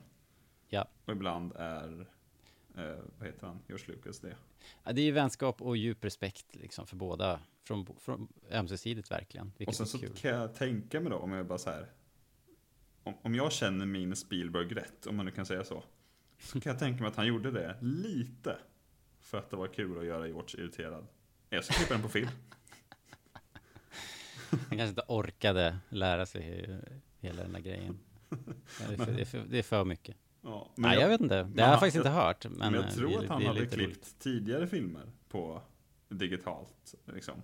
Jag vet inte, han kanske hade något argument om att det här ska vara som en gammal B-film, bla bla bla. Jag vet inte. Eller så tyckte han på att det var kul, eller så var det någon, Mm. någon av hans klippare som tyckte att det var en jättebra idé. Han gjorde det i alla fall. Det kanske går att Ja. läsa på ännu mer än jag har gjort. Eller det, Det kan ju vara det definitivt också. att göra. Han kanske ville ha med någon i klipprummet som absolut inte ville klippa digitalt. Det är Så ett kan också jättebra sätt att skämma bort George Lucas från klipprummet tror jag. Ja, Om man inte vill att han ska vara där och ja, hålla Om man inte vill bli störd av liksom, George. Ja. det kan vara det. Ja. Ja, i alla fall. Eh, de åker hem till Indy för att göra lite research på Sydamerika och mayakultur. Och som vanligt så står den rätta boken närmst och längst fram. Ja, ja, ja, ja absolut. Eh, Otroligt den faller, faller upp, eh, man- den öppnas upp på rätt Han, uppslag. han kan alla böcker utan till också, det gillar jag. Jajamän. Det fanns en gåta i det här brevet som att kom med. Det handlade om de här tecknen som inte var engelska. Det var geoglyfer. Och pekar då på de här enorma eh, st- stenläggningarna i Nazca i Peru som bara kan ses från väldigt hög höjd och som är, enligt eh, ja, tanken är väl att bara gudarna ska kunna se dem för att de är så enorma. Som vanligt Eh, så verkliga är jag så saker att såklart. Jag, jag, jag som- tänkte säga det, de där finns väl i, i någon mån? De finns. Ja, Men visst. som vanligt vet jag inte hur, hur mycket av det Harrison Ford säger här är sant och hur mycket Jag typ George tror- Lucas har hittat på. Jag- Vart, liksom, vart drar vi den gränsen någonstans här? Jag, jag tror det mesta här stämmer. Liksom, Okej. att, de, att de faktiskt är, är, eh, så vitt man vet. Jag, jag kan ju tänka mig att forskningen inte är helt här eh, gjuten. Men tanken är väl i alla fall att de är, de är gjorda eh, Av aliens? av eh, Maya-folket och eh, att de är gjorda som någon sorts eh, kommunikation med gudarna. Jag kommer ihåg någon liten sån här grej här om, för några år sedan. Det var någon lastbilschaffis som hade, det var stopp på vägen så den hade kört iväg ut, ut i, i, i terrängen liksom och dragit rakt över något sånt här fornminne. Dålig Och stämning. sabbat, sabbat runt med, ja, det har varit lite dålig stämning. Ledtråden leder i alla fall till Nazca i Peru och vi får den här klassiska flygscenen med kartan och den röda linjen som, som går mot Sydamerika och eh, Peru då och Matt och Mats motorcykel får följa med på resan. Eh, otippat. Det tycker ju Indy är väldigt fånigt, det- vilket är kul. Att han bara Ja. är en gubbjävel liksom. ja. Eh, Matt har väl ändå berömt honom lite att han är Du är inte så tokig. Jag vet inte. I, good in a Du- fight. Du, ja, what are you, like 80? Säger han ju. Så, så jag vet inte riktigt om... Ja. Men han säger ju också innan där så här, du är väldigt bra på att slåss för att vara så gammal. Och Ja, gillar ju, han gillar inte ens det. För då säger han, Nej. ja, thanks a lot. Så han bara, och sen så frågar han om han är 80. Så att, men låt oss vara tydliga. Indiana Jones hatar ju Matt så här långt. Ja, absolut. Vad tycker vi om Matt så här långt? Alltså, det är ju en jättebra grej att ha med en motorcykel i den här typen av film. Har jag alltid tyckt. Ja. Motorcyklar är bra på äventyrsfilmer. Speeders funkar också såklart.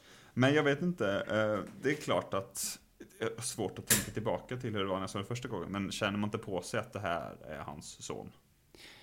Jo, det gör man nog. Men samtidigt, i samma andetag, så inte för en sekund så tänker man väl att han är den nya Indiana Jones. Nej, det gör man absolut inte. Och det är ju Spielberg tydlig med på slutet där också när Matt är lite sugen på att ta på sig hatten.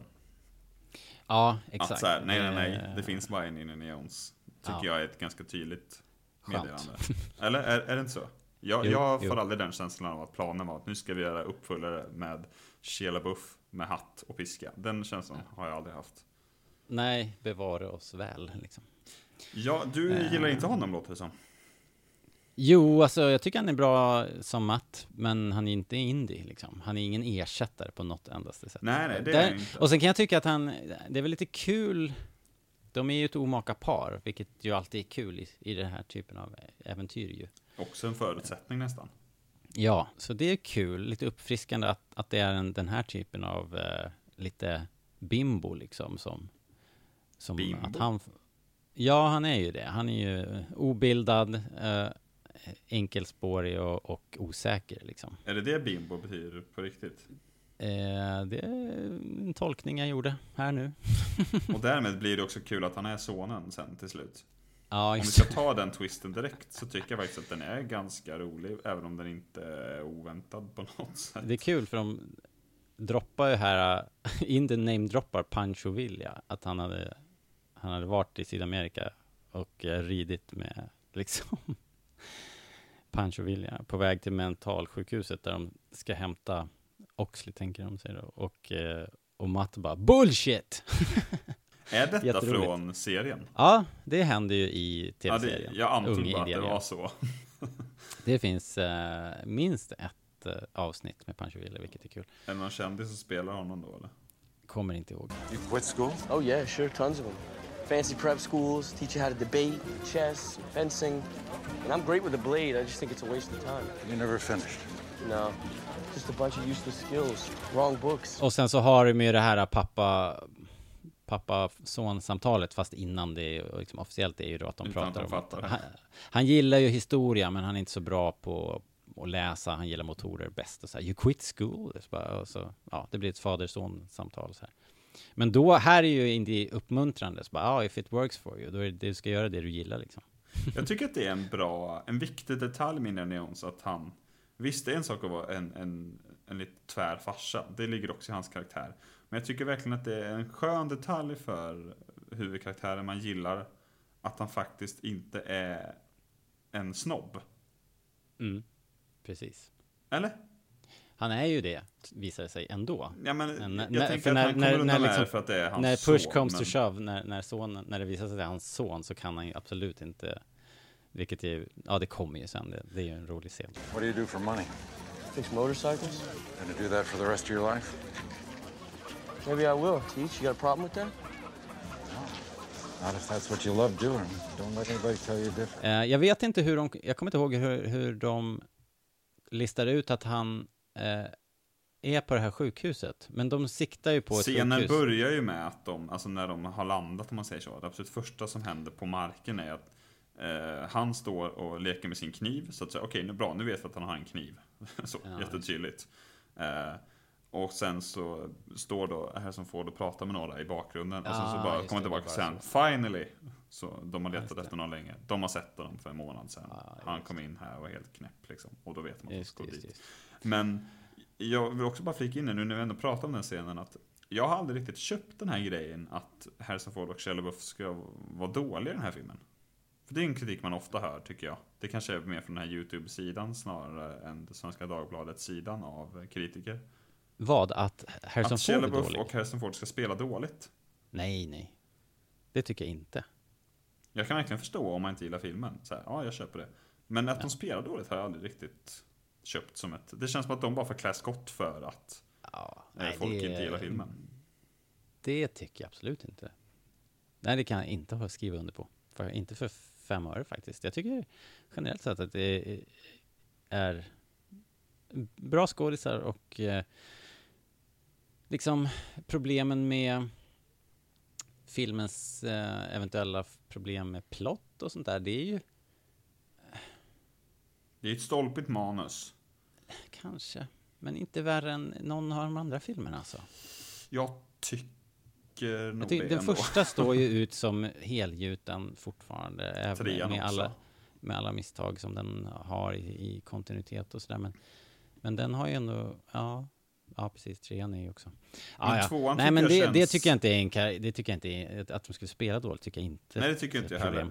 Men sen kan jag, ja, däremot då kan jag köpa att man tycker att karaktären Matt är lite tråkig eller eh, ja, oklar. Jag tycker att han, deras relation är lite oklar, men det kommer vi komma in på i nästa avsnitt, för det kommer bli två avsnitt här såklart. Men vi kommer väl dit längs vägen. Hur var det nu? Jo, de hade listat ut att Oxley var på ett sjukhus, eller mentalsjukhus då. Det visade sig ju vara ett kloster. Det var ju också så här, bara, jaha, just det, det är såklart att det är. Och det var nunnor som smög omkring där, vilket var coolt. Och Mac är också de på spåren här. Ja, Han droppar grejer här, eller han, det gör han inte än, han droppar grejer Han senare. hänger Här står han bara och röker. Ja, och, och är agentig liksom. Väl framme på sjukhuset så, så visar det sig att har blivit bortförd. Eh, och eh, ja, Max smyger omkring utanför grinden. Så det är två, två dåliga saker. Men i Oxleys cell får de ju kika in i alla fall är full, full av klotter på avlånga skallar och ordet återvänd står där på massa olika språk. Återvänd vart, frågar man sig kanske. Det är väl det som är den snygga repliken här va? För att Mm. Säger väl det att Return where? Liksom, det funkar inte så bra översatt på svenska men då säger väl Harrison Ford "Retur- or return what? Det tycker jag är ganska snyggt. Så där Ja. gör man flera gånger med att eh, ord kan översättas både si och så. Och det är ganska kul. Det är kul ju, det har vi sagt förut ju, det är kul när Indiana Jones får vara professor och få vara smart och få, och få eh, dra de här ledtrådarna och, och även om det är liksom på äventyrsfilmsvis och det är väldigt mycket McGuffin och det går väldigt fort och böckerna faller upp eh, väldigt eh, behändigt på rätt uppslag och sådär. Jag gillar ju det. Det är väl därför man kollar på Indiana Jones. Man vill ju ha de här böckerna och Heliga Graal-boken. Den vill man ju helst, man vill ju ha en sån liksom. Ja, alltså, oavsett vad det är egentligen tycker jag på film just så gillar man ju bara Man gillar ju att se folk som kan saker och som är smarta. Alltså så här, halva liksom, behållningen med typ Die Hard är ju att John McClane är smart. Han Ja. klurar ut grejer. Han överlistar de här Exakt, skurkarna liksom. och han skriver Ja. ner namnen på armen och han vad det än är liksom. Och lite så tycker jag det är med Indiana Jones också om man då ska jämföra med till exempel Arnold och Stallone kan ju också göra roliga filmer men det är en helt annan sport tycker jag. Ja. Det här är mycket Ja, roligare. här, här är ju liksom ett ro, roligt eh, flöde där, och där man kan hänga med och man får också känna sig lite som att man är smart för man hänger med liksom. Det blir ju också kul att försöka pussla lite själv efter bästa förmåga. Det är väl ungefär som att titta på Poirot liksom. Att så här, man försöker fatta lite själv. Poirot, det är skillnaden med Poirot är att det är omöjligt att, att man förväntas på något sätt lista ut det, men det är ju helt omöjligt. Man försöker ju ändå alltid oavsett. Eh, gör man ju. Här är ju mera bara så här ligger landet. Kartan pekar hit, en X marks the spot. liksom. Jag tycker också det är en... Nu ska jag berömma filmen här igen. Jag tycker att cellen är en, en snygg miljö. Mm. Jag, jag köper miljön och så tycker jag att upp, själva liksom uppbyggnaden av Ox eller Oxley verkligen funkar. Liksom, man både får en bra bild av honom och blir nyfiken på mer samtidigt. Ja. Vilket jag tycker Ja. är nice. Tyvärr tycker jag kanske inte att själva mysteriet och ledtrådarna är lika roliga här som i andra filmer. Eh, Att han har, alltså om vi jämför det faktum att han har bara skrivit return på, liksom, i olika, på olika språk, liksom olika översättningar, han har ristat in det. liksom jämför det med liksom tyngden i Graaldagboken. Nej, precis. Jag skulle säga, är det för att det är samtida? Det här är någonting som, det är Oxley, det är en person som skrev det här förra veckan. Det är inte, Det är inte en lika korsriddare nice. från 800-talet. Det känns inte lika Nej. mäktigt på något sätt. Nej, de, de har liksom inte lutat så mycket på den här conquistadoren som nämns här. För det är det, det pekar ju på den här, vad hette han då?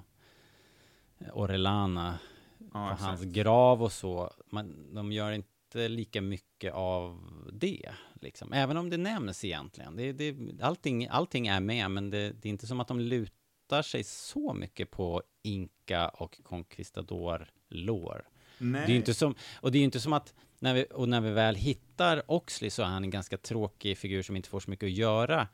Och conquistadoren är död. Det är inte som när vi i eh, sista korståget faktiskt träffar en korsriddare. Liksom. Eller, eller träffa dem och ska jämföra med Oxley med farsan. Så Nej, går inte det heller riktigt att jämföra. Nej, Men verkligen inte. Jag tycker För också Oxley är ju det- inte en rolig karaktär. Han är nästan en obegriplig karaktär. Det Han är ju kalkyl liksom. Ja. Som Ja, lyckas komma med lite grejer men som ändå är liksom helt väck. Men Ja. som ändå Och man sitter på inte kunskapen riktigt där varför någonstans. heller liksom. Man fattar ju inte varför han är väck. Helt väck. riktigt. Nej, det är någonting med skallen. Han har tittat på den för länge. Ja, Eh, vi, kom, vi kommer ju dit, men det jag också tycker är synd, eh, på något sätt, för att man gillar Indiana Jones för att han lyckas ju liksom luska ut saker ingen annan har luskat ut. Mm. Här så... Han hittar inte ens Ox själv. Han blir kidnappad av de som råkat ha kidnappat Ox. Och sen är, hittar, de sig, hittar de ju bara vägen hela tiden. För att Ox redan har varit där en gång. Han är Ja, redan... det. det har liksom varit en hel lång film innan den här filmen. Där Ox har gjort Ja. hela den här grejen redan. Och det är Ja, inte ja, heller ja. lika kul, tycker inte jag. Nej. Det hade varit en sak om Ox hade hittat dödskallen och sen kört fast. Ungefär som farsan gör, typ. Liksom. Ja. Att, Det är väl att det Eh. inte finns någon riktig motor som, varför ska de tillbaks? Eh, det, det är liksom, det är väl här som det känns lite... Det är ett tunt manus. Jag tror att det Ja. är det jag menar lite. Det finns ingen riktig så här, jättenaturlig rörelse i filmen. Jag tänkte på det sen. Nu går jag lite händelsen i förväg. Men när de kommer upp ur den här kyrkogården på morgonen där. Ja. Så så här bara. Nu finns det ingen anledning för någonting att hända. Nej. Men bara så här. "Ja, De har hittat er och kidnappat er. Annars hade det liksom inte funnits någon ny ledtråd, ingenting för dem liksom att så här, nu ska vi utreda det här. Det är liksom inte så Precis. att de stoppar dem, utan de snarare får de hjälp av att de blir kidnappade. För de hade ännu ingen annanstans att gå. Nej, för, för ryssarna så är det ju att de vill ha, de vill ha den här kunskapen, den oändliga Ja. kunskapen och, och makt. Medans Indy drivs av att han, han måste lämna tillbaks den. Därför att han har sett sanningen. När han Men det är ju långt i- senare. Ja, det kommer. Ja, precis. Ja. Men, men, det, men du har ju helt rätt i att det, här, det är ju här de har fått lite manustrubbel. Det finns ingen riktig anledning att liksom fortsätta jakten här. Ehm, För så det scenen kanske är det man känner att det till- tappar lite tempo i mitten här. Ja, för den här egentligen ganska roliga scenen på kyrkogården när de går ner där i grottan och skit. Den är ganska kul. Men den slutar typ med att bara så här. Ja, vad är det här för någonting? Den leder ju inte egentligen vidare till, till nästa ställe. De hittar liksom Alltså, inte jag har lite problem med de här väktarna tomb. där också som, de, om, om, vi pratar ju om väktarna som vaktar graalen, hur otroligt coola de är och hur han stjäl scen efter scen. Um, Nassim, eller nej, inte Nassim, vad heter han? Eh, vad fan Du heter han? menar. Ja, ja. Eh, Kazim. Kazim. Eh, hur otroligt cool han är och så. De här är ju bara eh, creepy och märkliga och får aldrig någon förklaring och får inte, de är, de är helt eh, bara ansiktslösa. De faller ju också lite på sin orimlighet. Att de bara Ja. här, de ska vänta i ett hål. Ja, har de suttit där bakom panelen? Kasim och hans gäng får man ändå känslan att de är någon sorts riktig... De är ju Spectre liksom, fast bra. Exakt, de är som en spionorganisation. Ja, typ. exakt. Det här är ju något annat. Ja. Ja, nej, så det, det är inte lika bra bara helt enkelt. Tyvärr. Nej, då då. det, det, det är kul i stunden. Liksom. Och det blir en Eh, ganska rolig ja. actionscen där egentligen. Alltså Harrison Ford försvinner in i något jävla hål och sen så blåser han i röret och det är rätt nice. Alltså, men det är, det är tunt. Ja, jag är inte jätteimpad av hela den här scenen. Den, den, är, den är mörk och eh, knasig. eh, Liksom, liksom. Jag tycker det bästa är när de faktiskt är nere och hittar... Eh, Men den här viktgrejen Eh. som man liksom tippar över snyggt. eh, ja, precis. Det är kul. Det är kul. Och sen Men- så när de hittar mumien och det visar sig att det är, skallen ligger där och det är magnetiskt och, och det där de, de här mynten som far och så här. Det är kul. Det tycker jag är bra. Ett problem är att den här, hela den här peruanska kyrkogården, i alla fall när de är utomhus, ser så jävla mycket ut som Pinewood. Eh, Ja. Den ser ju Det- jättetrött ut. Och sen, men på pluskontot så har de ju skorpion-interaktionen som är väldigt rolig. Ja, just det. Och ehm, Are you a teacher? Part-time. Väldigt roligt. Väldigt roligt. Så vi, vi har redan vi har varit lite fram och tillbaka här, men det är nu de kommer ner i katakomberna, Mutt blir skorpionbiten där och det är som du sa, när, när det kommer till skorpioner så är the bigger is better. Eh, Finns det någon Eh. sanning i det överhuvudtaget? Jag tror faktiskt det. Okej. Tror- jag har tror alltid antagit det eftersom eh, jag har hört det härifrån. Men fan. Ja, ja jag vet inte, man, som vanligt får man ta de här fakta med en nypa salt. De hittar lindade skallar, långa, avlånga skallar. Och det här är också ett verkligt fenomen bland eh, den här sydamerikanska majkulturen. Det, Ja, det det. gjordes de facto, ja. Okej. Att man lin, lindar barnens huvuden då så att de formar om sig. Ungefär som kineserna lindar fötter. Liksom, så kan man ju, om man... Ja, det som ska böjas, det som krokigt ska bli, ska böjas i tid, som de säger. Så tar man bebisar och börjar sätta tryck på dem så kan det hända grejer. Jävligt eh, obehagligt liksom. Ja. Jaha. Eh, de hittar ju fotspår här, det var någon som har varit nere i graven och det här är det som du pratade om förut, att de är ju inte först på det här, de, de är ju tvåa liksom. Eh, det hade varit roligare har i så redan fall om de som här. var först så hade det ju varit mer spännande om det då var motståndarna liksom. Alltså man tänker, kan man jämföra lite Ja. med den nya filmen så är det hela tiden då att Mats Mikkelsen vet ju i teorin hela tiden vad han ska göra. Eh, Ja, liksom, här är precis. det att deras kompis vet hela tiden och då, då är det ju mycket enklare för dem. ja. Ehm, de, ehm, de hittar sju mumier, de listar ut att det här är Orilanen som ligger här, eh, eventuellt då, och eh, Indy öppnar en av de här mumierna och eh, super spooky, så han är som, ser ut som att han dog igår typ, men sen så när luften kommer åt så åldras han ju 500 år på två sekunder. Det är en rätt snygg effekt eller? Snygg effekt, också en ganska classic indie-grej liksom. Jag Ja. vet inte hur det där är. Det, det är säkert som vanligt, som vi har sagt tidigare, det, det är verkligt men förstärkt. Det går säkert inte riktigt så här fort, men det brukar ju vara så att saker och ting kan konserveras om det ligger lufttätt och sen så när, man, när det väl utsätts för elementen och för luft och så här så åldras det ganska snabbt och förstörs. Jag ska inte uttala mig, jag, visst, jag kan Lex, eh, Lex Vasaskeppet liksom, som Ja. låg perfekt kom, konserverat tills det, man tog upp det. Då började det falla isär. Dumma svenskar. Mm. Ehm, Det, här, det är också roligt att Matt påpekar här att det är ju liksom inte okej att bara ta reliker hur som helst. Det är så märkligt det där skämtet Indy lånar en kniv. Ja. Jag skulle låna den bara. Jag, jag tänkte lägga tillbaks den. Tyckte det är roligt faktiskt. De har också läst det där, någon skylt där uppe att gravplundrare kommer bli avrättade, eller vad fan det står. Det står Aha, just det. Just det. Ja. De hittar ju Oriana himself. Tur att vi inte de- gravplundrare då. Ja, exakt. Tur, och det är nu de märker att den här, någonting i graven är supermagnetiskt och så hittar de kristallskallen, vilket är rätt coolt faktiskt tycker jag. Alltså, jag tycker den ser cool ut och Det de lägger massa mytologi på den, så här, den är inte tillverkad av människohänder och den What är magnetisk, vilket är, är märkligt liksom.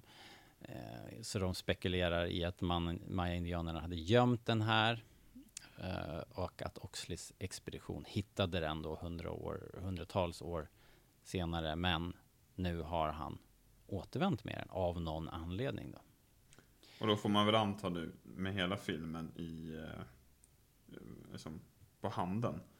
Så sa väl även den rösten till honom att lämna tillbaka den. Ja, exakt. Precis. Eller nej, det kan jag inte gjort. För att den skulle lämna tillbaka den till Ti- Ja, just det. Men han Ja, kom okej. inte, han kom han ju hit- inte nej, dit. det, han, kom inte, han lyckades inte klura ut det där Så han behövde ju guldsandsgrejen. Och då stoppade han tillbaka den bara. För att Och den var ju därför- uppenbarligen bra gömd där. Och därför, men han, men han blev ju tokig på kuppen. Fan, man ska inte plocka isär Indiana Jones-filmerna på det viset. Känner jag. Alltså, du tror det? What is this thing? Ja, i alla fall. ehm, Visst är inte den här filmen lika gross som de andra? Det här är ju typ det äckligaste i hela filmen. ja, precis. Nej, Jag- det är inte så mycket sånt. För myrorna, Inte ens ja, det kommer myrorna vi sen till. Men de är kommer inte till- äckliga som krypen är äckliga. De är Kun- mer farliga. Kunde ju varit mycket äckligare om de hade velat. Liksom. Det bästa motbudet vi har är ju då när ryssen dör med myror i munnen kanske. Men jag Ja, tycker precis. ändå inte att det är, är äckligt, Nej, riktigt lika sant. äckligt som det här som man jämför med. Det är ju kryp och råttor och... Det finns ju en liten skräckådra i de andra filmerna. Den finns ju Ja. inte här riktigt. Nej, det har du rätt i faktiskt. Som... Eh, Alltså det är ju lite så här spooky, i- det är liksom lite halloweenigt här, men det är inte, det är inte, det är inte... s- Det är ju liksom- verkligen familjevänligt.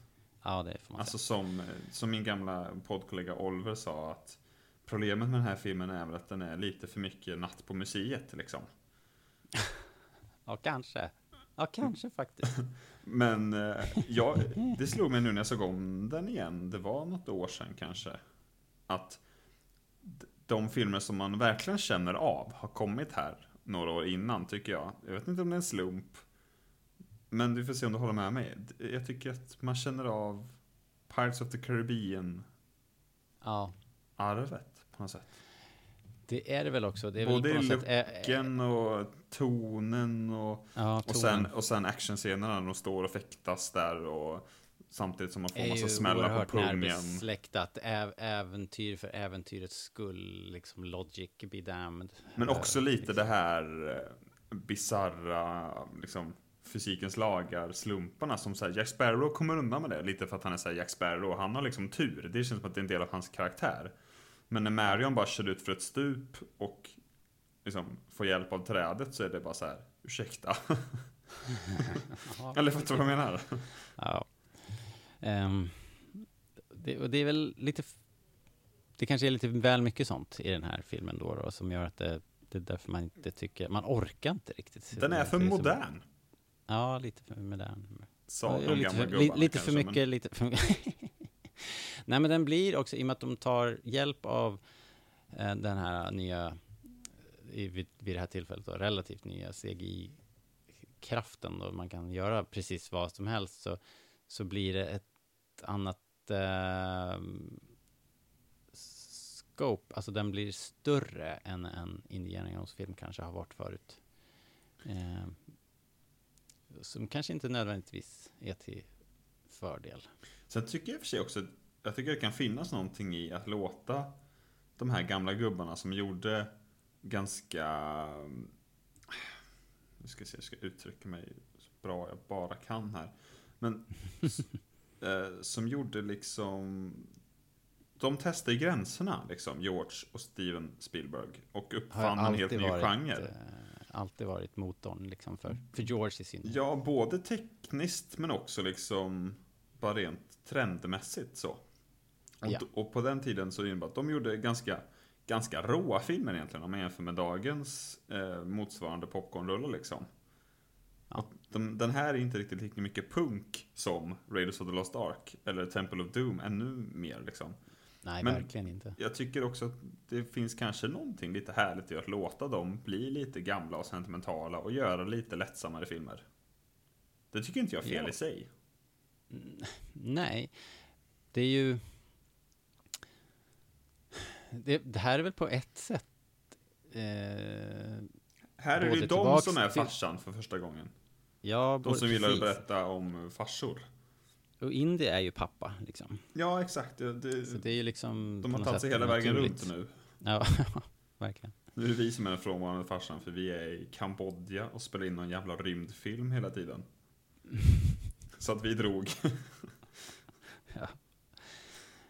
Ehm, ja, ja, de konstaterar i alla fall att eh, Oxleys expedition har varit här, men eh, han lämnade kristallskallen här av någon anledning. Men eh, det gör de inte. Indy tar ju med den, eller hur? Och när de kommer ut.